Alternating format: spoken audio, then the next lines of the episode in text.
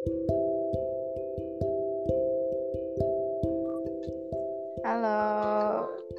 Halo.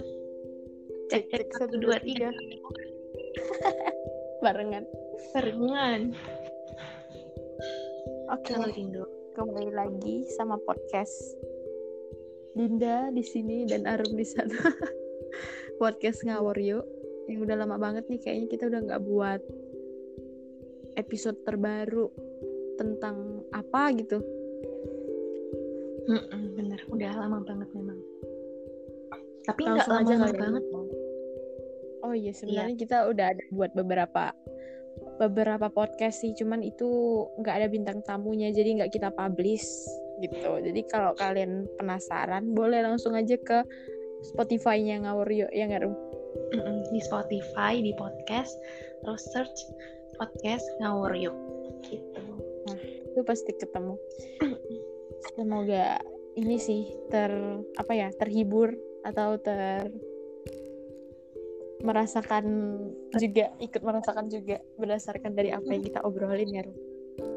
Mm-mm. itu Tapi yang kita obrolin nggak semuanya bener. Jadi mungkin bisa diambil yang benar. Maksudnya dipilah-pilah dari kalian yang benar. Yang Ya, mungkin bisa diambil ya manfaatnya gitu. Kan, kan sharing pengalaman istilahnya ya Rum. eh, eh, karena berdasarkan pengalaman kita, opini kita gitu. Oke deh. Tanpa berlama-lama lagi, episode kali ini ngobrolin tentang apa nih, Rum? Eh, episode kali ini tuh ngobrolin tentang ekspektasi sama validasi. Ekspektasi sama validasi. Oke, mantap juga nih. Kemuji diri sendiri gitu ya. Ekspektasi sama validasi. Menurut aku penting banget sih buat diobrolin karena eh, kondisinya sama situasi dan kondisi sekarang. Maksudnya kondisi dan situasi kita sekarang itu relate banget kayak lebih sering pasti lebih sering overthinking, lebih sering insecure ya nggak Rum? Bener nggak? Benar-benar. Karena kan ekspektasi itu kan dasarnya overthinking, insecure dan segala macam penyakit lainnya itu. Mm-mm. Jadi kayak kita kadang membutuhkan itu buat apa balance ya nggak balance sama apa yang udah kita rasain. Benar. Kayaknya sih kalau aku gitu. Oke kan kita eh, hari ini kayaknya nggak berdua aja ya Rum sama bintang tamu yang luar biasa. Halo. Halo. Kita bilang Jadi hari ini kita tuh berdua teman-teman ada bintang tamu kita yang luar biasa. Boleh langsung perkenalan diri aja kali ya kak. Kok aku jadi takut ya dibilang bintang tamu ya. Mohon maaf nih. Saya hanyalah cat jelata. alah Halo semuanya, perkenalkan. Em, aku Sofi Islamarwati. Eh, kakak kelasnya Arum sama Dinda. Eh kakak tingkat deh, kakak kelas kayak sekolah ya. Kakak tingkat, kakak tingkatnya Arum sama Dinda di kampus. Jadi sama-sama anak FKG UPA ya. Cuman aku angkatan 2017. Tuh. Arum sama Dinda itu. Em, itu adikku, adik binaan, yes, sebutannya itu ya, adik binaan ya, adik binaan waktu maba. Jadi em, kakak tingkat yang pertama kali mereka temui anjay, pertama kali. Emang iya? Kalian pertama kali ketemu aku tah? Iya, Atau ada lagi? iya kak. Oh iya ya? Enggak sih, Kak. Eh, enggak sih. Enggak. Enggak ya? Care banget sih aku. Iya kak, iya kakak pertama kali yang ketemu aku ketemu. Kalau Arum nggak tahu sih, Arum. Iya nggak Arum? kalau kakak tingkat Kak Sofna yang pertama kali. Oh, oke, betul berarti ya. Atau Kak Gopal. Aja kan partner partner kakak. Iya, Kak iya. Gopal. Bareng lah ya. Atau kayaknya Kak Gopal dulu deh, soalnya dulu aku sering telat ya kan. Ya, Nggak tahu lupa aku kak. Udah lama itu. Ih, itu sih. Sama, Kak, Sopna. apa? ya. Kenapa Din? Pokoknya yang pertama kali Kak Sopna sama Kak Gopal deh. Yes, Gitu. tuh ada. Partner.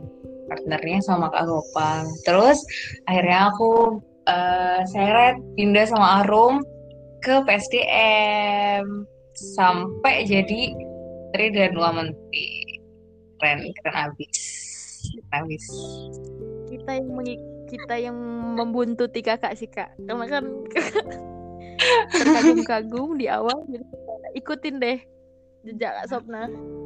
Kalian lebih keren sih. Banget. Jangan gitu kak. Kak jangan gitu kak.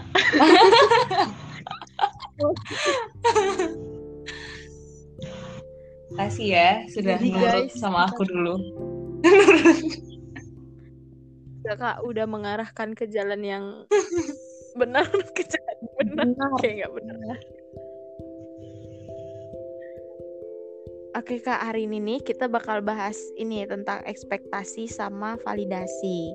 Hmm. Nanti uh, mungkin ada beberapa pertanyaan dari kita, aku dan Arum yang bakal kita tanyain ke Kak Sopna. Okay. Uh, eh, nanti biar bisa obrolannya tuh menjalar ke mana-mana sekaligus sharing pengalaman juga. Mungkin dikait-kaitkan gitu Kak sama pengalaman yang pernah terjadi pada kehidupan ini. Oke. Okay. langsung, langsung aja kali ya Kak. Siap. Pertanyaan yang pertama. Yes tentang ekspektasi sama validasi. Yang pertama ekspektasi dulu deh kak. Apa yang pertama kali terlintas di pikiran kak Sopna tentang ekspektasi? Ekspektasi itu harapan, uh, tapi pengharapan yang besar uh, dari suatu hal. Jadi um, ketika kita udah mengusahakan sesuatu, pasti kita kan mengharapkan uh, istilahnya apa ya? Feedback feedback atau timbal balik. Hasil hasil yang maksimal hasil yang uh, besar atau minimal sesuai lah ya sama uh, usaha yang sudah kita keluarkan. Jadi kalau aku ekspektasi itu itu. Cuman biasanya itu ekspektasi itu emang uh, dikaitkan sama harapan yang besar. Maksudnya bukan sekedar harapan, tapi harapan yang besar gitu. Menurutku itu sih. Kan menurut kakak tadi itu kan ekspektasi itu uh, memiliki harapan yang besar. Yes. Nah, menurut Kak Sofna sendiri itu kita itu penting nggak sih kak punya apa ya punya rasa kita tuh harus berekspektasi terhadap diri sendiri maupun terhadap orang lain atau terhadap sesuatu gitu. Oke, okay. um, kalau menurutku ekspektasi berekspektasi itu boleh, uh, tapi tergantung orangnya. Jadi misal um, ada orang yang ketika berekspektasi itu dia udah mikir jauh terkait um, realitanya. Kalau misalnya realitanya itu gak sesuai sama ekspektasi dia, dia udah tahu, udah siap, dia harus apa, apa yang harus dia lakukan setelah realitanya. Gitu. Tapi sebaliknya ada juga orang yang gak siap tuh uh, dengan realitanya. Jadi hanya berekspektasi, berekspektasi, berekspektasi terus, tapi ketika realita itu gak sesuai sama ekspektasi dia, malah jadi down, terus um, malah uh, nggak termotivasi untuk uh, mengusahakan itu kembali gitu, dan juga um, uh, apa ya intinya harus ngerti kalau nggak semua hal itu bisa berjalan sesuai dengan harapan kita gitu. baik orang lain uh, perlakuan orang lain ke kita um, hasil tentang sesuatu itu nggak semua bisa berjalan sesuai dengan ekspektasi kita. Kalau menurut kalian gimana? Berekspektasi itu penting gak sih? Sebenarnya ada sih orang yang bilang kayak penting penting harus harus berekspektasi itu harus karena uh, bisa memotivasi diri buat uh, menghasilkan realita yang sesuai dengan ekspektasi tapi kan kadang ada juga yang kayak ya bisa aja lah kerja apa kerjakan lupakan kayak gitu-gitu kan biasanya kalau menurut kalian gimana tuh Arum dulu apa aku dulu nih? Terserah, bebas. Dinda dulu, Dinda deh. Kamu dulu. Ya udah, Dina dulu. Kalau aku sih eh, menurut aku ekspektasi itu penting menurut aku ya, Kak. Mhm. Soalnya kadang tuh bukan apa ya? Tak eh, pengen balance gitu loh Kak antara ada hubungannya dengan ke overthinkingan sama insecure aku. Jadi aku harus punya ambisi gitu loh dan per- Oke. rasa percaya diri. Yang itu yang kadang ekspektasi yang membuat atau membangun rasa percaya diri aku gitu loh walaupun tapi betul tadi kata Kak Sopna harus siap sama resiko yang kemungkinan kayak kemungkinan buruknya gitu. Hmm. jadi harus memperhitungkan segalanya lah. Maksudnya kayak oh kalau aku nggak beneran dapat ini ya udah coba lagi gitu. Menurut aku penting gitu Arum, arum. Kalau aku bener sih kak yang tadi kak Sofna bilang tuh ada yang setuju sama ada yang nggak setuju kan terhadap ekspektasi. Mungkin yang setuju itu eh, tim yang kayak eh, apa ya punya ambisi yang kuat gitu loh. Jadi punya kan ekspektasi itu ibaratnya doa kan kak doa baik gitu. Yes, betul, betul. kan doa baik gimana caranya kita itu punya ambisi juga selaras sama doa baik itu gitu. Mungkin tim yang setuju itu arahnya ke sana. Tapi kalau misalnya tim yang nggak setuju tuh mungkin eh, orangnya belum tahu. apa ya takut sama eh, udah takut keduluan sama resiko-resiko yang datang. Karena kan setiap kita ngelakuin sesuatu itu pasti mau nggak mau ada resikonya mau eh, tindakan yang kecil besar tuh semua ada resikonya gitu. Jadi mungkin mereka eh lebih ke kayaknya ke takdir kali ya kak ya kayak Hmm, pasrah gitu ya. pasrah. jadi mungkin mereka orangnya yang kayak udah selesai ya udah beres pindah ke eh, next ke pekerjaan selanjutnya tanpa yang kayak punya bayangan lebih atau harapan pokoknya orangnya mengalir aja kayak udah selesai ya udah selesai kerjain yang lain gitu tapi kalau aku sendiri aku tim yang itu tim yang berekspektasi karena kalau semisal nggak punya ekspektasi itu nanti nggak ada semangat buat kayak nggak mau nggak ada semangat buat menjalani sesuatu jadi harus saya punya ekspektasi ini jadi sesuatu yang aku kerjain itu semuanya aku arahin ke sana gitu Yes. Betul, betul banget. Jadi pemacu ini ya, pemacu usahanya kita gitu kan. Jadinya hmm, iya benar sih.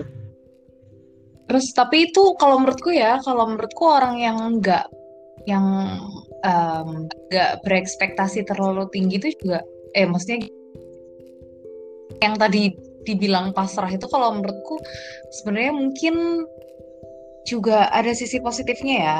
Maksudnya eh, bisa dilihat itu dari eh, misal kalau misalnya dia gagal, dia nggak gampang down kayak gitu. Mungkin mentalnya lebih lebih jadi lebih stabil gitu nggak sih? Oh. Tapi nggak tahu ya, mungkin itu juga tiap orang beda-beda ya. iya kak iya kak benar orang yang lebih lapang dada gitu loh kak lebih Iya betul. Oh ya, cuman kalau kalau terlalu pasrah juga kayaknya kayak kok kayak nggak ada motivasi sih gitu kan? Mm, nggak ada ambisi gitu ambisi buat sesuatu yang dia pengen takutnya gitu Hmm. Mungkin ini ya, mungkin lebih ke em, tergantung situasi aja. Iya. Kalau misalnya emang em, udah yakin, kalau menurutku berekspektasi lumayan tinggi itu it's okay. Tapi kalau misalnya emang nggak setengah-setengah, itu mendingan nggak usah berekspektasi terlalu tinggi.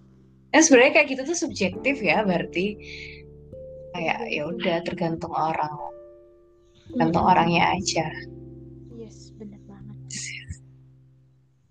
sih. Oke. terus eh ini kak kadang tuh kan kita iya sih memang sering berekspektasi buat sesuatu. Tapi kadang aku juga mikirin gitu loh kak. Oh ini orang ada nggak ya ekspektasi sama diri aku bakalan gimana? Kayak lebih mikir eh kayak mikir gitu ini orang ekspektasi ke kita apa ya? gitu. Jadi kayak menimbulkan Kayak ketakutan ketakutan gitu kak. Kenapa ya orang lain Iya, iya, bener-bener. kita berekspektasi ke orang lain dan orang lain berekspektasi ke kita gitu Kak. ya sebenarnya balik lagi sih ke diri sendiri. Kan kita juga suka ya eks- eh, berekspektasi ke orang lain. Otomatis orang lain juga pasti berekspektasi ke kita. Orang kita sama-sama manusia ya kan kita punya harapan semua itu berjalan sesuai dengan apa yang kita mau begitupun orang lain semua orang pasti semua orang tuh berharap um, kehidupan berjalan seperti um, apa yang mereka mau. Cuman kadang yang agak toksik itu adalah uh, orang mengekspektasikan kita sesuatu, tapi bukan sesuatu yang berpengaruh besar. Contoh, contoh ya, contoh. Ini pengalamanku ya, pengalamanku tuh. Aku tuh takut orang-orang tuh berekspektasi karena aku ini nih karena aku, aku jadi malu ngomongnya karena aku kan di Instagram kan kayak bikin video-video gitu kan Iya. Aku nah kadang tuh aku kayak ya kadang tuh aku tuh kayak mikir em, ekspektasi orang-orang nggak tahu kenapa aku kayak mikir ekspektasi orang-orang kayak eh alah cuman gini tok tak kenapa sih ya nah ini kok nggak gini aja? Kenapa kok nggak lebih gini? Kayak gitu loh. Terus halah anak ini lo nggak se misal ya nggak sehebat ini ngapain dia bikin video-video kayak gitu? Kadang pikiran-pikiran kayak gitu yang toksik sih ke kita. Maksudnya belum tentu emang orang lain tuh mikir Mikir eh, belum tentu orang lain berekspektasi kayak gitu. Cuman kadang eh, aku pun kalau kadang kalau aku lagi lagi jahat lagi jahat kadang aku juga berekspektasi ke orang lain. Meskipun emang ekspektasinya nggak sejahat itu cuman kadang aku juga berekspektasi ke orang lain Eh, orang ini harusnya lebih gini orang ini harusnya lebih gitu. Tapi sebenarnya aku juga apa ya sebenarnya ekspektasiku tuh nggak berpengaruh besar terhadap hidupnya maupun hidup aku gitu. Tapi hal itu yang malah justru jadi em, apa ya istilahnya bumerang bumerang ke diri aku sendiri. Ketika aku melakukan sesuatu aku jadi selalu mikirin ekspektasi orang lain ke aku mungkin ada ya yang eh, berekspektasi. Cuman kalau emang nggak ada yang berekspektasi kayak gitu asli sih itu toksik banget. Kayak jadinya aku kayak eh maju nggak ya maju nggak ya kayak gitu. Kan kalian pasti kalian pasti pernah kan ngerasain kayak sering banget Kak. orang lain ini pasti pasti sih semua orang kayaknya pasti bakal pasti ngerasain eh, overthinking karena ekspektasi orang lain ke kita Iya. tapi bener. kalau menurut saya ya sah-sah aja cuman dari kitanya sendiri yang kalau misalnya eh, apa ekspektasi itu nggak berpengaruh besar buat hidupmu ya udah nggak usah nggak usah dipikirin toh itu juga cuman ada di kepala orang gitu mungkin Iya kalian punya pengalaman ekspekta apa eh, tertekan oleh ekspektasi atau overthinking sama ekspektasi gitu mungkin Arum dulu tuh, gantian dari Arum Arum dulu gantian gantian Kalau dari aku itu tertekannya itu ekspektasi dari orang lain sih kak. Kalau semisal dari diri sendiri itu kan yang bisa ngontrol kan Arum sendiri ya kak ya. Tapi Iya, kalau iya. semisal dari orang lain itu kan kita tuh ngontrolnya ada dua arah gitu, ada dua arah. Kadang ada seseorang ping apa ya berharap lebih Arum tuh bisa gini gini gini gini gini. Tapi padahal eh, mungkin nanti ada kaitannya sama validasi ya kayak mungkin padahal eh, aku ngevalidasi diri aku sendiri aku tuh eh, punya kemampuan tuh cuman segini doang gitu. Cuman mungkin orang-orang itu punya doa lebih kali ya ke aku buat kamu tuh bisa lebih gitu. Ya mungkin ada beberapa yang bisa aku capai maksudnya sesuai yang diekspektasiin ke orang lain tapi ada yang bener-bener segini segini doang nih, segini doang gitu. Itu sih Kak yang kalau misal yang cuman segini aja itu dari yang diekspektasikan ke orang lain tuh yaitu bikin overthinking sendiri insecure. Kok orang-orang bisa ngomong gitu ya? Padahal tuh aku tuh nggak bisa kayak gitu-gitu. Ya Jadi ya ya. aduh relate banget sih. Bikin jadi beban moral sendiri kayak gitu-gitu. Kayak kok gitu ya? gitu. Kok bisa kepikiran gitu? Padahal nggak gitu kayak gitu-gitu. Hmm, kalau itu hmm, aku hmm. suka tuh kalau Dinda gimana Din? Kalau aku eh tadi kalau Arum lebih ke ekspektasi orang lain. Kalau aku merasa tertekan sama gara-gara pikiran dari diri aku sendiri kak sebenarnya. Kayaknya Hmm. kayak aku mungkin tipikal orang yang terlalu overthinking dan memikirkan ih terlalu memperdulikan gitulah kak istilahnya. Kayak pikiran orang ke aku apa ya? Kalau ekspektasi orang aku, ke aku, ke aku tuh eh kayak gini padahal aku nggak kayak gini gitu loh. Ngerti gak sih kak? Iya, iya, paham. Jadi kayak istilah aku pengen kayak gimana caranya pikiran negatif itu tuh hilang dari diri aku sendiri biar nggak mikirin ekspektasi orang lain ke aku atau nggak terlalu mikirin ekspektasi aku yang terlalu yang terlalu over lah istilahnya. Jadi nggak toxic gitu. Ya sebenarnya menurut aku yang toxic tuh ya diri aku sendiri gak sih kak maksudnya gara-gara timbul Iya. pikiran negatif itu jadi aku ngerasa kayak orang tuh berekspektasi yang kayak menurut aku enggak padahal ya orang nggak sebegitu berekspektasinya sama aku gitu ya. Kadang GR gak sih jadinya? ah, ah, iya kak gitu aku ngerasa gitu Iya kan? Tapi tapi emang karena kita sendiri juga kadang berekspektasi kan ke orang lain, ya kan? Kalian pasti juga pernah kan berekspektasi ke orang lain. Maka Hmm, itu kita kayak pasti mikir orang lain pasti punya ekspektasi ke kita gitu. Kalau iya, tahu kalau enggak ya. jadi harus pengen kontrol itulah kak istilahnya kayak kontrol diri sendiri biar Hmm. nggak terlalu mikirin ekspektasi orang dan ekspektasi aku ke orang lain gitu. Betul sih. Em, Kalau masalah tertekan sih kayaknya Mungkin gimana tuh ya? Tertekan sama itu pikiran negatifku sendiri kak. Jadi Iya, istilahnya betul. kayak gitu. Gitu kak. oke. Mungkin karena sih. Jadi buat yang dengerin ini ya, tolong jangan terlalu berekspektasi tinggi sama kita.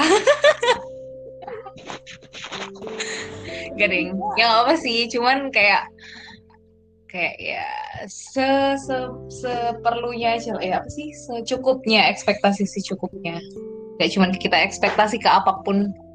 Ekspektasi itu secukupnya.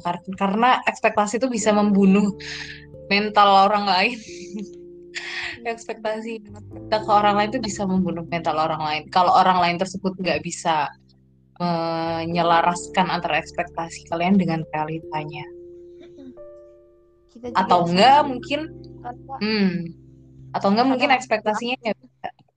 Gimana din aduh sorry sorry. Tabrakan mulu ngomongnya. Gimana din? Nggak lanjut kakak deh. tapi nggak apa kalau misalnya mau berekspektasi asalkan uh, sampaikan mungkin em, aku pengen kamu gini gini gini. Cuman uh, jangan menuntut buat ekspektasi tersebut tercapai gitu. Ya balik lagi sih intinya kayak jangan berharap terlalu tinggi jangan berekspektasi Yes benar banget. cara menyampaikan ke orang Eh. lain tuh ya kak ya berarti kayak caranya itu juga harus hmm, yang benar gitu karena kan bisa menyakiti orang lain juga kalau misal kita punya niat baik nih buat orang itu berkembang misal. Tapi kalau cara penyampaian Iya. salah ya nangkepnya juga salah gitu. Yes betul banget betul banget. Betul sekali. Terbuai oleh ekspektasi-ekspektasi. Betul banget. Sebenarnya wajar cuman ya gitu sih. Kadang toxic itu itu tadi Dindo mau ngomong tuh habis kak Sofna mau ngomong apa tuh Iya, tadi kamu ngomong apa, Din? Sorry ya, Din. Ini nggak apa-apa. Aku juga yang ini suka ngomong ke mana-mana. Kan? Ini aku ngerasa tuh kadang eh, manusia tuh ada up and down-nya gitu loh kak. Jadi kayak nggak setiap misalnya nih aku pengen dia tuh memperlakukan kami, maksudnya kayak di sebuah kegiatan deh. Ini pengalaman aku ya kak. Hmm.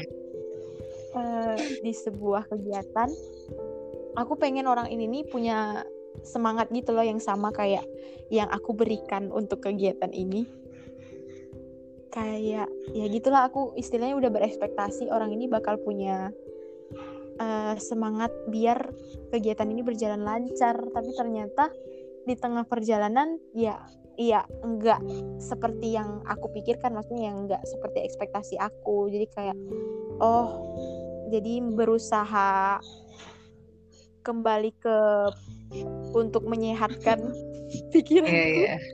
Paham, paham. Uh, dia lagi berada di fase yang downnya dia gitu jadi kayak Mm-mm. ya udah jadi nggak bisa mengharapkan seluruhnya ke orang lain jadi yang bisa Yes. kita andalin ya diri kita sendiri balik lagi berusaha kontrol diri gitu loh kak menurut Yes. aku Betul, betul banget. Ih, kalian hebat banget ya. Aku juga dapat insight jadi dari kalian ya kan. Keren banget loh adik-adikku ini.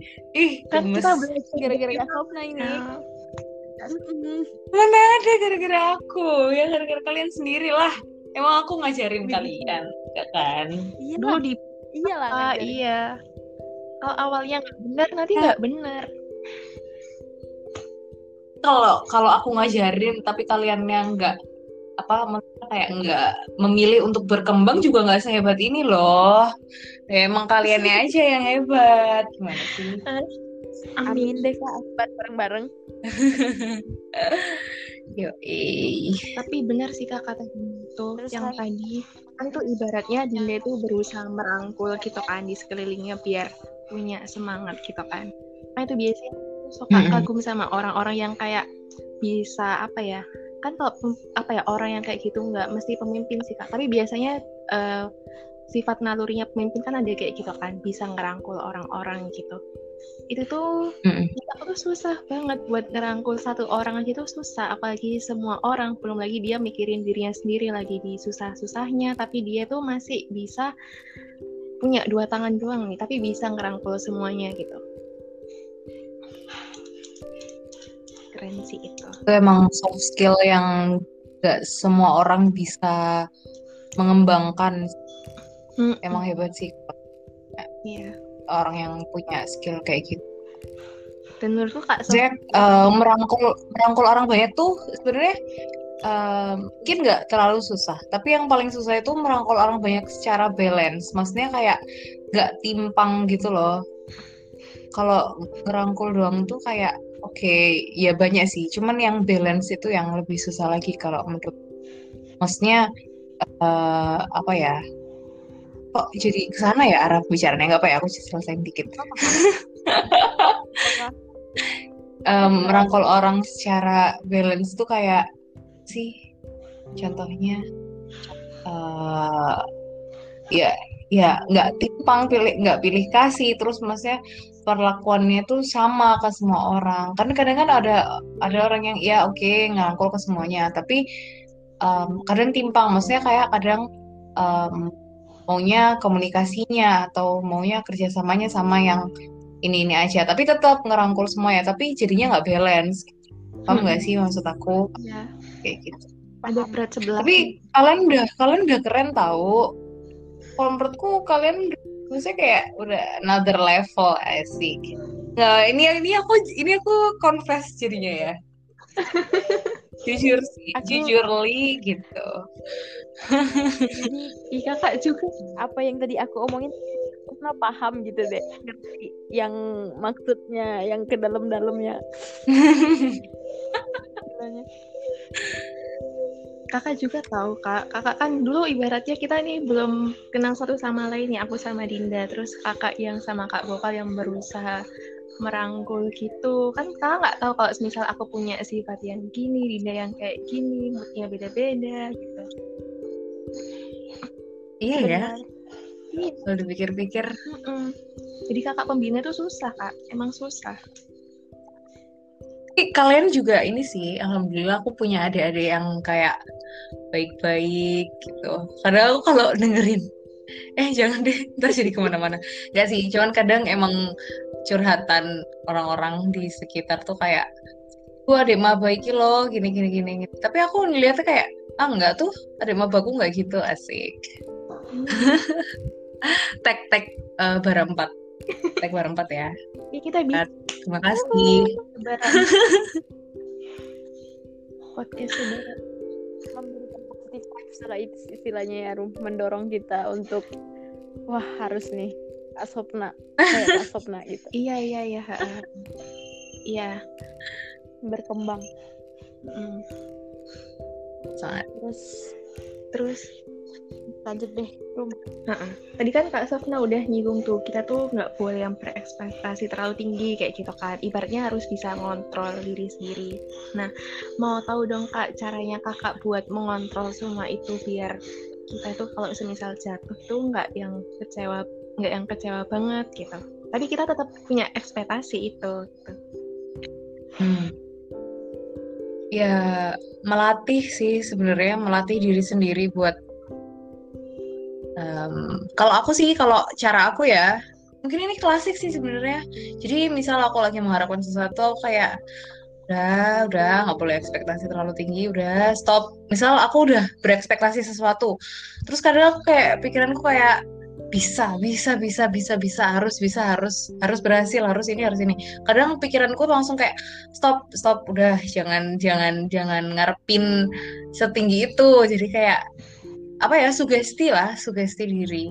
Tapi menurutku itu juga nggak gampang karena kadang juga aku habis berekspektasi kalau misalnya nggak sesuai realita juga ya pasti pasti kadang down. Cuman em, nggak nggak harus lama downnya kita juga harus bangkit gitu kan. Jadi kalau menurutku emang eh, dilatih sih latihan buat em, menemukan apa ya bukan bukan menemukan latihan untuk em, berekspektasi tapi tidak terlalu tinggi gimana ya. Jadi setiap hal apa pun hal apa pun yang kita lakukan em, ya udah nggak usah berekspektasi terlalu tinggi.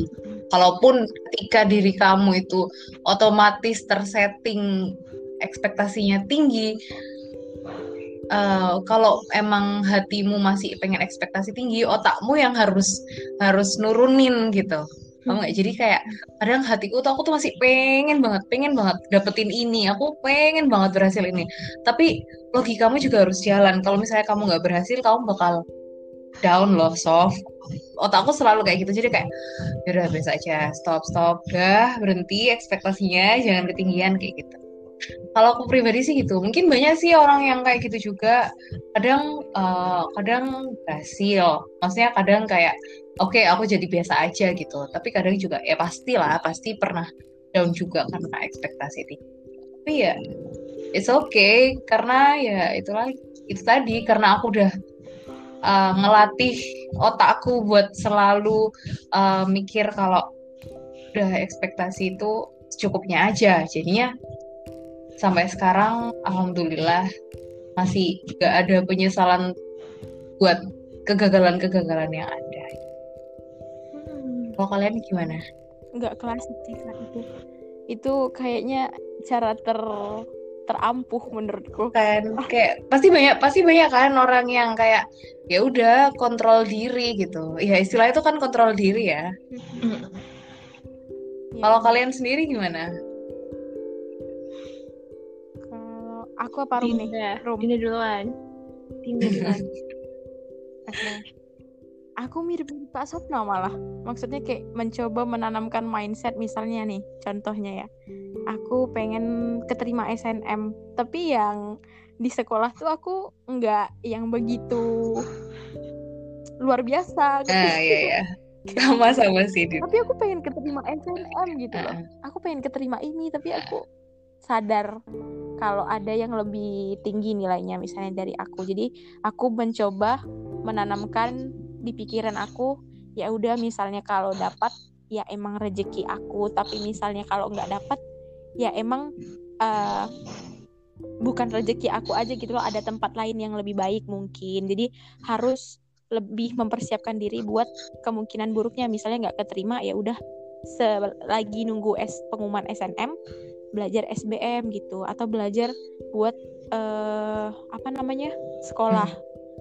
Sekolah ini di kedinasan Saya. gitu aku berusaha menanamkan mindsetnya mulai dari itu sih dari ke SNMP ke SNM Ayo, ayo, bingung, bingung. terus mulai terbiasa juga ini kak ujian Ah, biasanya iya, iya.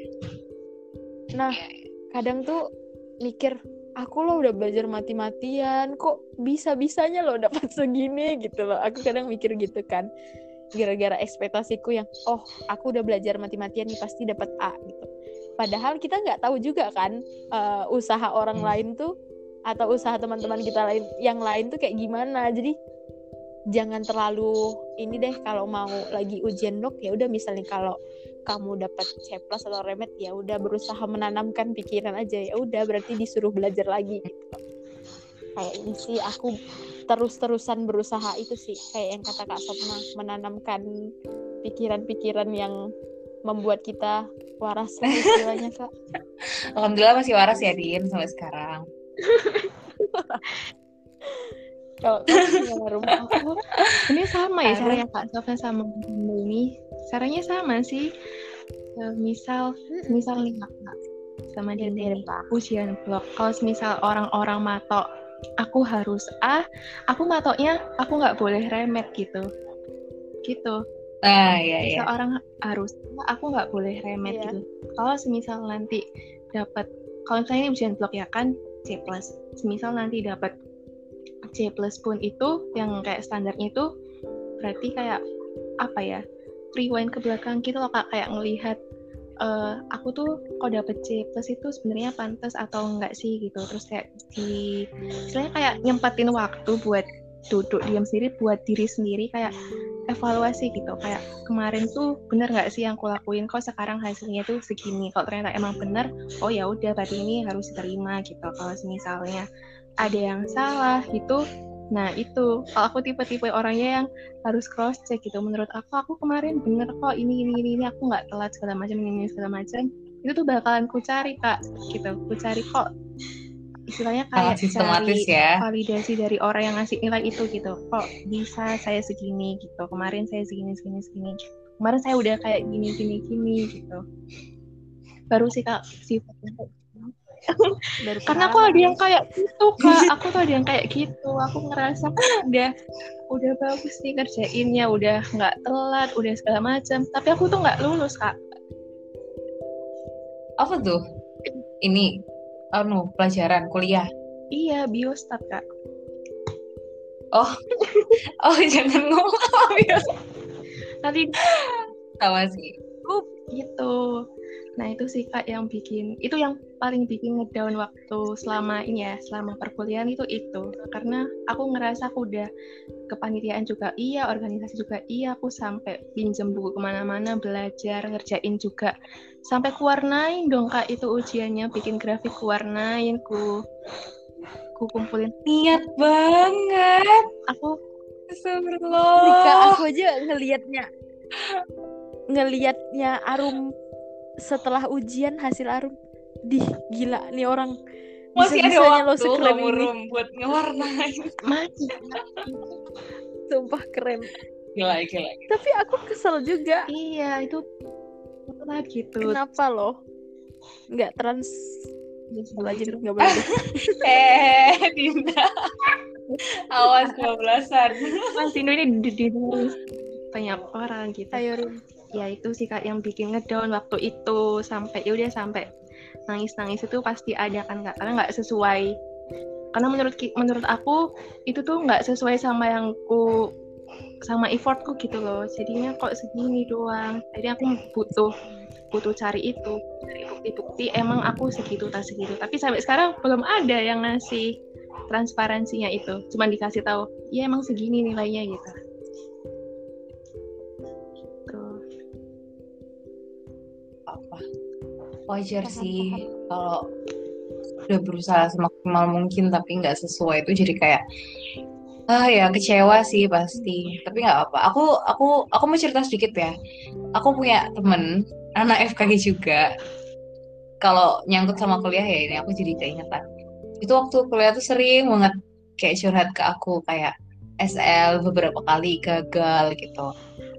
Sering gitu curhat nangis sempet nangis malahan kayak udah remet masih gagal. Habis itu uh, kayak ada remetnya lagi gitu itu juga masih gagal. Tapi akhirnya dia terbiasa maksudnya sama kegagalan itu tuh dia akhirnya ya udah jadi kuat gitu besok besoknya uh, dia nggak jadinya nggak berekspektasi tinggi sama sesuatu. Tapi akhirnya uh, ketika dia nggak berekspektasi tinggi justru dia malah uh, apa ya istilahnya progresnya tuh lebih cepat dibandingkan teman-teman yang lain karena kita kita nggak ngerti kan kadang Uh, mungkin karena kita berekspektasi terlalu tinggi, jadinya kita merasa gagal ketika nggak mencapai sesuatu. Padahal sebenarnya kalau kita nggak berekspektasi tinggi itu biasa aja. Kegagalan tuh udah biasa ya kan. Iya iya. Jadi uh, uh, suatu saat pasti bakal ada keberhasilan ya, istilahnya kayak kalau ada keberhasilan yang nunggu kita di depan. Smart, smart all. tapi kak kadang pesimis tuh dibutuhkan gak sih kan yes. di suatu kondisi bukan, bukan pesimis, pesimis ya realistis sih sebenarnya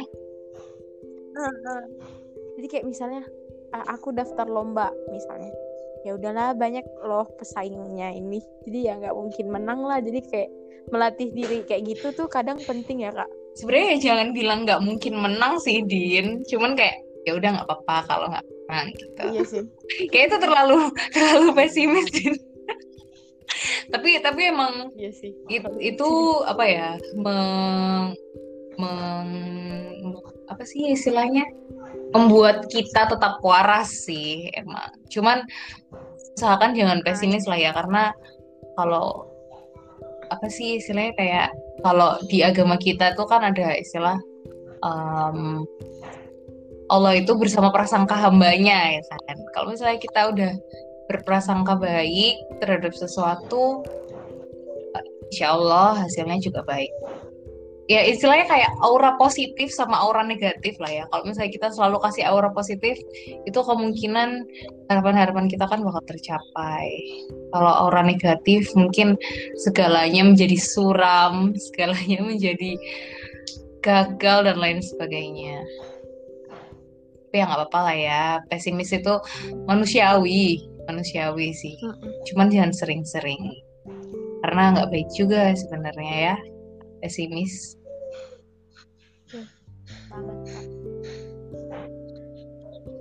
terus udah selesai sini kak tentang ekspektasi. Ada lagi nggak kak yang pengen kakak tambahin? Oh iya ada lagi. mungkin ini sih uh, biar kita nggak terlalu down ketika uh, menerima realita yang tidak sesuai dengan ekspektasi penting penting kita bikin plan A, plan B sampai plan Z buat sesuatu yang sudah kita usahakan. Jadi misal kita udah mengusahakan sesuatu, misal kayak SNM gitu ya, SNM contohnya. Tadi Dinda bilang SNM uh, eh, aku pengen banget masuk SNM tapi aku juga harus realistis nih. Jadi aku harus eh bukan realistis ya maksudnya kayak menyiapkan uh, menyiapkan rencana untuk kemungkinan terburuk. Misal nggak keterima SNM oh berarti aku harus bikin plan B aku harus persiapan SBM aku harus bikin plan C aku persiapan sekolah kedinasan kalau menurut menurutku itu cukup menyelamatkan kita dari uh, resiko depresi, stres pasca uh, realita yang tidak sesuai ekspektasi. Mm Benar sih kak. Tapi kadang tuh. Oke oke. Okay, Aku aku malah kadang mikir malah uh, saat aku nggak berharap lebih iya malah ya kan? dapat gitu loh kak. Gimana ya? Jadi kayak aku jadi takut gitu kalau iya. sering sih sering terjadi. Sering terjadi kayak gitu. Ah ya mungkin mungkin ya emang kaitannya sama takdir atau gimana aku cuma gak paham. Tapi ya pesalahnya berekspektasi ya kan apa? Mungkin pas kebetulan aja kali din. Kebetulan tuh kamu nggak ya nggak apa-apa lah. Pasti kamu kan punya ekspektasi tuh sebenarnya kecil-kecilan. Cuman nggak tinggi gitu. Yang penting nggak terlalu tinggi gitu.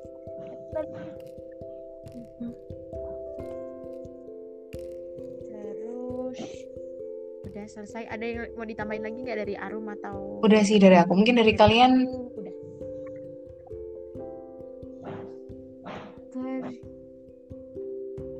langsung ke validasi Iya, ya langsung aja. Rum. Oke, oke. langsung ke validasi ya kak. Validasi. Validasi. Ini aja kak mulai dari menurut kakak. Validasi itu yang pertama kali terlintas di pikiran kakak itu apa? Terus ini eh, memvalidis memvalidasi diri sendiri kepada orang lain itu penting gak sih menurut kakak? Misalnya kayak eh, Rum misalnya Arum nih eh, menurut Arum aku nih bagus. Ah, kayak sendiri jadinya aku ya. Bagus ya bagus cara ngobrolnya misalnya. Terus Rum aku terus aku validasi diri aku ke Arum. Rum aku tuh sebenarnya gini gini gini gini loh. Nah menurut kakak itu penting gak? Em, kalau menurutku eh apa ya sebenarnya ini subjektif. Lagi-lagi ini subjektif sih. Kadang ada orang yang bisa nerima eh, pendapat orang lain ada orang yang kayak masa sih masa aku kayak gini masa aku kurang masa aku kayak gitu gitu. Ada yang kayak gitu. Cuman kalau menurut emang kalau aku pribadi sih menurutku lumayan penting ya. Karena yang bisa menilai ki- diri kita itu kan orang lain. Secara luar ya secara luar. Kalau maksudnya kayak kalau kemampuan itu mungkin bisa kita nilai sendiri cuman kita pasti butuh pendapat butuh validasi dari orang lain. Kalau menurutku penting uh, asalkan kita bisa nerima tuh perkataan orang lain pendapat orang lain tentang kita. Kan kita kan yang minta validasi itu dari orang lain. Otomatis kita juga harus bisa uh, nerima pendapat dari orang lain. Dan orang lain itu pun maksudnya ini uh, ini basic ya. Kalau misalnya kita nyampein ke orang lain tentang pendapat kita itu juga harus dipikirin perasaan mereka gitu. Jadi cara menyampaikannya itu juga harus uh, dipikirkan. Apa ya? Jangan sampai orang itu jadi tersinggung dan lain sebagainya. Terus sekarang itu ada istilah kayak toxic positivity. Jadi um, orang yang aslinya kurang dibilang bisa bisa kamu bisa kok. Padahal sebenarnya menurut diri menurut dia itu masih kurang gitu. Itu istilahnya kayak toxic positivity. Maksudnya apa ya uh, apa sih istilahnya? Kayak uh, aku aku motivasi Dinda nih bisa kamu tuh bisa Din bisa kamu tuh. Tapi sebenarnya menurut aku masih kurang sih. Menurut Dinda juga merasa kayak ah masa sih aku bisa? Nah itu itu kadang bisa jadi toxic positivity. Tapi itu kembali lagi itu sebenarnya kalau menurutku itu tuh kayak subjektif gitu. Kadang orang ada yang merasa itu orang yang merasa ya nggak apa-apa itu motivasi gitu.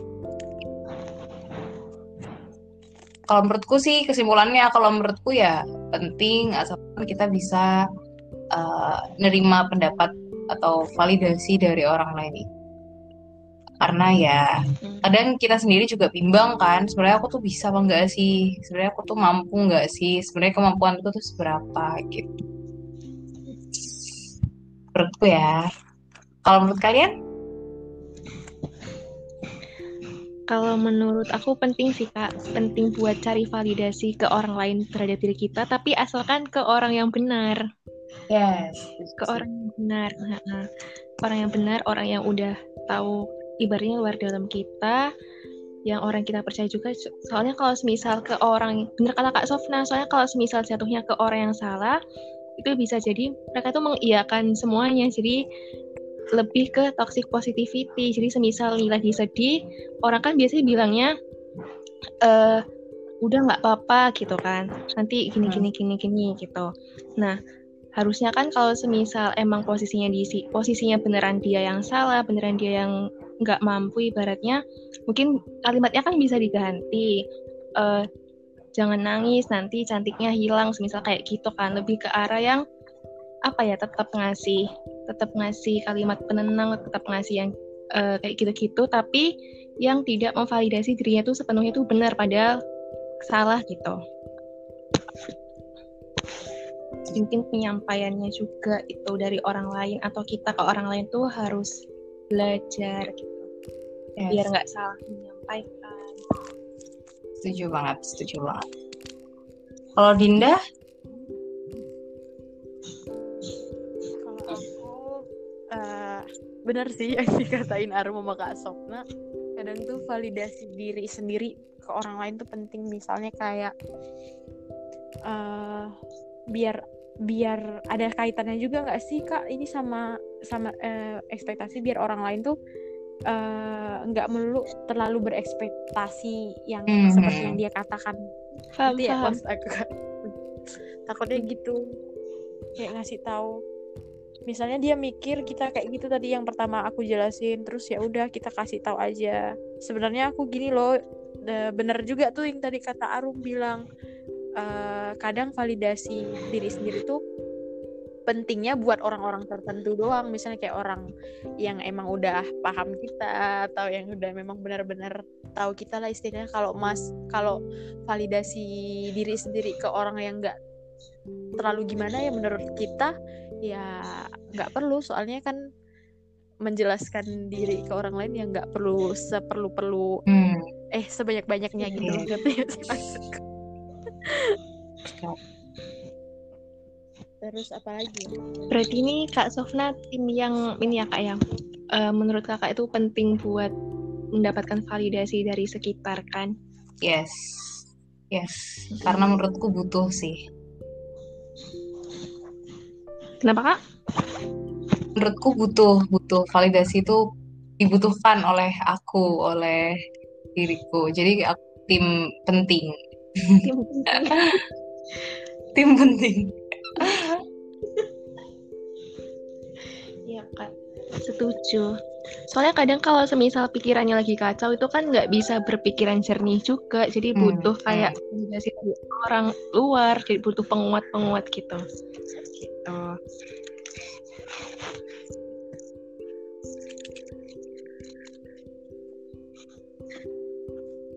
malah tuh kadang yang penting ya menurut aku eh kalau aku tuh sering vali minta validasinya tuh gimana keputusan aku baik apa enggak ya gitu.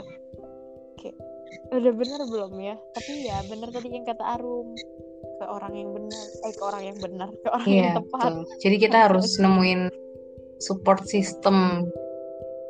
Seenggaknya uh, ya nyupport hal-hal kecil yang kita lakuin gitu. Mm-mm. Jadi ketika kita Hmm. bisa, ketika kita butuh validasi dari orang lain, kita uh, mendapatkan validasi dari orang yang support kita. Jadi ngerti, ngerti apa yang harus kita lakukan. Tapi kadang ini ya, kadang nggak, menurutku sih, menurutku nggak semua validasi orang lain itu bisa kita telan mentah-mentah karena uh, yang menjalani kan kita. Kadang uh, orang lain bilang em, bisa, kamu bisa. Oh, kalau menurutku kamu tuh kurang ini. Oh, kalau menurutku lebih baik tuh kamu gini. Tapi kan balik lagi kita kita sendiri tahu ya batasan batasan diri kita tuh seperti apa. Jadi menurutku uh, validasi itu nggak bisa kita telan mentah-mentah gitu. Jadi kayak disesuaikan lah sama diri kita. Iya. Iya. Ibaratnya ada validasi mutlak sama non mutlak gitu kan kak. Iya. Misalnya jabatan presiden kalau nggak diakui sama rakyat Mantap. Indonesia, Asik banget bahasanya. Emang ada ya istilah kayak gitu atau Arum yang menciptakan nih? enggak sih kak. Aku yang berhayal Tapi tapi bener sih, bener-bener. Ya. kan. Iya. ya.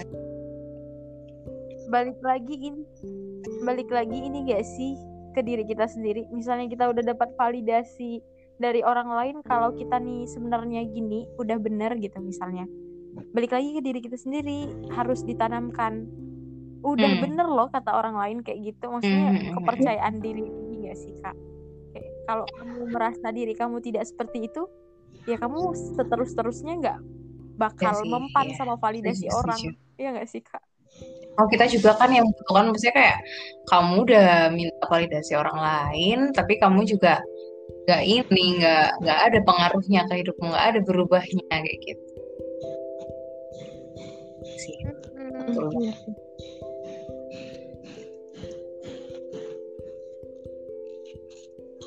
Mantap. Abis. Terus lanjutin dong. Terus Rum apa? Lanjut. Gimana gimana? Halo? Halo?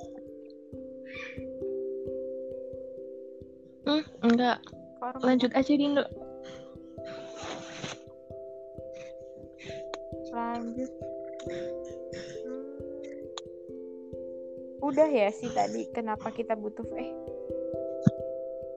validasi dari sekitar udah tadi yang Kak Sof pernah jelasin lanjut ke cara mengatur diri sendiri Kak agar tidak memvalidasi secara berlebihan Ini maksudnya memvalidasi diri sendiri atau memvalidasi orang lain. Diri sendiri, Kak. Jadi diri kita memvalidasi diri sendiri gitu maksudnya ya. Mm-mm. Ataupun kita ngontrol orang lain buat ngevalidasi diri kita gitu. Ah, oke oke. Eh, kalau menurutku yang pertama kita harus bangun eh, kepercayaan diri. Karena kepercayaan diri itu yang kontrol, yang membangun awal yang bikin pondasinya itu pasti diri kita sendiri. Ada kemauan dari kita buat eh, percaya di diri kita. Terus yang kedua, eh, kita punya support system yang baik, support system yang nggak toxic, kita punya circle yang sehat lah ya istilahnya. Uh, jadi uh, tanpa perlu kita minta validasi pun mungkin mereka bisa menyampaikan unek-unek mereka ke kita. Jadi um, ya mungkin kadang kita kayak merasa nggak aku nggak butuh gitu. Tapi kalau menurutku um, apa ya penting juga uh, divalidasi tanpa kita minta karena mungkin orang lain yang uh, ngerti nih perubahan-perubahan atau um, apa ya ke arah mana sebaiknya kita melangkah gitu istilahnya. Jadi nanti di akhirnya kalau misalnya kita butuh validasi ke orang lain kita nggak bakal uh, terlalu besar uh, keinginan kita buat divalidasi oleh oleh orang lain. Jadi kita nggak nggak terlalu berlebihan gitu dalam uh, meminta validasi dari orang lain. Itu sih. Mungkin emang susah kalau masalah support system itu ya. Kadang orangnya kadang ada orang yang kayak no aku nggak punya temen, aku aku nggak punya um, sahabat yang bisa aku ajak ngomong. Tapi uh, siapa pun itu kalau misalnya orang kalau misalnya ketemu orang yang mungkin bisa uh, nyupport kamu meskipun gak deket menurutku itu nggak apa kamu minta validasi ke orang tersebut. Karena aku aku aku sendiri pun juga aku temenku nggak banyak. Aku nggak nggak punya banyak sahabat aku nggak punya circle yang gede gitu.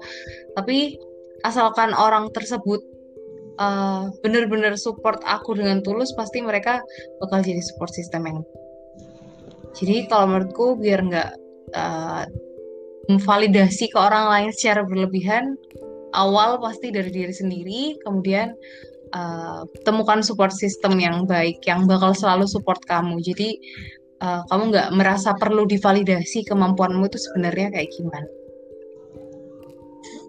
itu kalau dari aku kayak gitu sih. Kalau dari kalian mungkin ada tips tips tips and trick Arum. dari Arum dulu Arum. Hmm, sama sih Kak, sama kayak Kak Sofna. Itu aku setuju banget sama yang harus punya eh, support system gitu. Tapi nemuin support system itu susah nggak sih Kak? Yes. uh, Ya susah nyari yang cocok gitu. Jadi mm-mm, kayak pinter-pinternya cari pergaulan gitu. Nggak apa-apa temennya sedikit, tapi asalkan Hmm. yang berkualitas gitu, yang bisa sama-sama membangun satu sama lain, bukan yang saling menjatuhkan kayak gitu. Itu sih kak. Kalau aku itu yang manjur di aku support sistemku. Salah satunya adalah Dinda.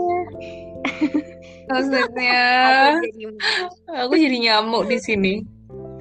Enggak lah kak.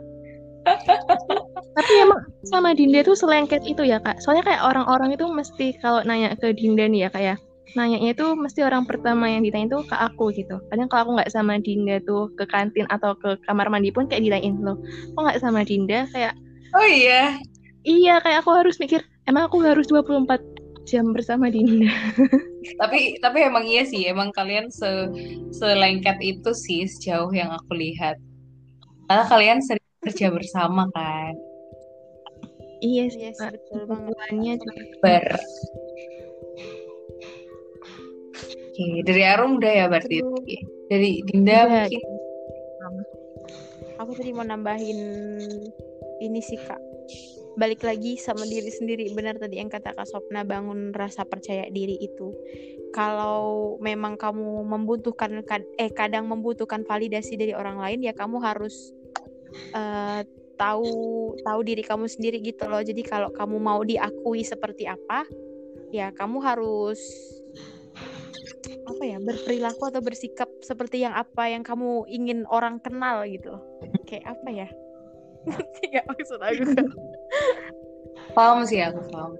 paham paham. Hmm, kadang kadang personal branding tuh juga ada kaitannya sama ini gak sih kak personal branding diri sendiri misalnya kayak oh aku pengen dikenal sebagai orang yang ini nih yang ah ramah jadi ya ya ya gitu bertingkah seperti apa yang kamu ingin orang kenal kamu gitu Hmm. Setuju. Kuncinya emang di diri sendiri sih ini tuh validasi. Maksudnya biar nggak berlebihan ya otomatis dari kitanya jangan jangan ini, jangan terlalu maksudnya kayak bangun kepercayaan diri dulu gitu, bangun bangun karakter diri gitu, semampu yang kita bisa. Baru kalau misalnya emang kita benar-benar membutuhkan saran dari orang lain, membutuhkan validasi dari orang lain, barulah kita eh, tanya.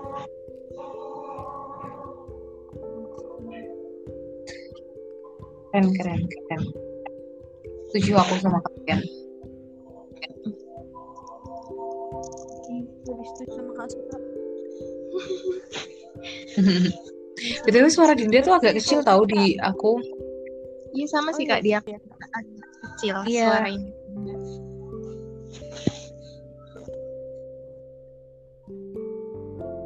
Kasoknya dia mau ditambahin lagi. Hmm, apa ya? Apa ya?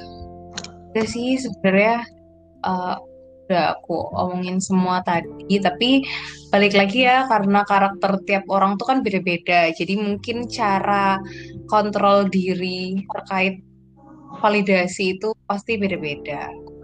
Jadi ya kenali kenali dirimu dulu karena yang bisa mengerti itu pasti kalian sendiri maunya kayak gimana eh, karakter kalian tuh kayak gimana sukanya itu diperlakukan seperti apa itu kalian sendiri yang ngerti diri kita sendiri yang ngerti. Jadi eh, nggak mesti berpatok sama kita cuman mungkin eh, kalau emang mungkin merasa bisa berpengaruh ya ya silahkan. Kalau enggak ya mungkin uh, bisa menyesuaikan sama diri sih soal oh emang karena pandemi ini jadi kayak ini enggak sih semua orang tuh pada uh, bukan berlomba-lomba apa sih istilahnya kayak semua kayak jadi pada gampang overthinking gampang kepikiran. Karena kalau menurutku ini sih kita kan jarang tuh komunikasi sama orang lain. Jadi kayak nggak tahu ya jadi kayak pikiran kita tuh semakin terkurung gitu loh. Benar. jadi Iya, overthinking di mana-mana overthinking tentang apa pun ya kita kayak uh, memikirkan ekspektasi orang lain butuh validasi dari orang lain itu itu berkaitan banget sih sama overthinking kita selama ini. Tapi nggak apa-apa itu manusiawi. Kan kita uh, punya otak diciptakan buat berpikir punya hati diciptakan untuk merasakan ya emang tempatnya ekspektasi gitu kan emang Nah, tempat Kak Sopna. Benar, benar. quotes of the day dan jadiin ini uh, quotes-nya buat nanti nih upload izin upload ya kak nanti Oke oke. Jadi malu aku tuh. Padahal ya nggak nggak bagus-bagus amat ya kan. Salah aja ngomongnya. Kan nama iya podcast kan namanya ngawur kak Iya ya. oh iya ya. Oke. ada itu ada ini nggak kak ada pesan dan pesan eh pesan dan pesan terakhir kayak apa gitu ya. ada ini nggak kak Eh, pesan buat kaum kaum yang suka berekspektasi terlalu tinggi yang maksudnya terlalu berlebihan atau haus akan validasi orang-orang Oke. Pesanku mungkin udah disampaikan sebelum-sebelumnya ya. Jadi kayak berekspektasilah, berekspektasilah secukupnya eh, dan persiapkan dirimu buat kemungkinan terburuk apa pun itu, ke- eh, apa pun itu hasilnya, persiapkan dirimu kemungkinan. Terus eh, bangun percaya diri, eh, validasi orang lain itu belum tentu benar karena karena kita eh, karakter orang berbeda yang bisa mengenali secara seutuhnya itu diri sendiri. Jadi validasi orang lain jangan dijadikan sebagai patokan, tapi dijadikan sebagai eh, pemacu aja, pemacu kalian buat semakin percaya diri. Tuh dari aku udah sih panjang ya. nggak apa-apa kak. Ini kita bebas aja untuk menemani malam Oke. Udah sih itu dari aku. Dari kalian dong, masa aku doang. Kalian juga dong kasih pesan buat teman-teman. Eh, teman-teman yuk bisa yuk Bisa gila. Filter Gak banget. apa-apa guys, namanya juga hidup kan, ya gak kak? Iya. Hidup kadang merasa merasa terlalu ini, terlalu itu. Kayak kata orang-orang tuh nikmatin prosesnya. Hmm. Widih, iya iya aja. Gitu. Gak apa lah. Berlatih kita tuh. Udah sih aja, itu aja sih kak aku. Nikmatin prosesnya. Ih, Arum deh. Arum-arum. Hmm, apa ya? Ini suara azan masuk ya kak ya? Ininya Iya. Masuk. masuk ya. Ini akan habis ini selesai Kalau juga. ini langsung tutup room. Iya. Mm-mm. Mungkin kalau buat yang ekspektasi sama validasi udah disampaikan semuanya, sama tadi udah dibahas bareng-bareng. Mungkin mau kasih pesan aja secara general ke yang dengerin. Kalau yang kita obrolin tadi tuh bukan semuanya tuh benar, bukan semuanya tuh Hmm. itu jawaban yang benar, solusi yang benar, tapi itu berdasarkan pengalaman kita, berdasarkan opini kita, perspektifnya Yes. dari Kak Sona yang mungkin lebih berpengalaman dari kita gitu atau pengalaman seperti apa Benar. gitu. Jadi mungkin bisa diambil yang baiknya. Mungkin kalau misal ada yang menurut kalian yang kurang benar itu jangan ditiru gitu. Diambil aja yang baik-baiknya aja gitu. Setuju. Selamat semuanya. aman ya udah kayaknya se- berakhir cukup sekian aja kak sebelumnya kita mau ngucapin terima kasih sebanyak-banyaknya ke kak Sopna soalnya udah mau meluangkan waktu kak Sopna buat podcast kita yang rada-rada baru-baru. Ih, aku, aku juga makasih banget sih dikasih kesempatan buat ngobrol. Padahal aku juga nggak merasa ini ya, nggak merasa omonganku tuh kayak berbobot gitu loh. Tapi kayak ya udah ya. Kita sharing ya, Berbobot. kita sharing pengalaman kan. Hmm. Makasih. Jadi aku nggak nggak begitu gabut hari ini. Aku kangen btw sama kalian, kangen ngobrol. Hmm. Juga kangen curhat Ah, tentang keluh kesah duniawi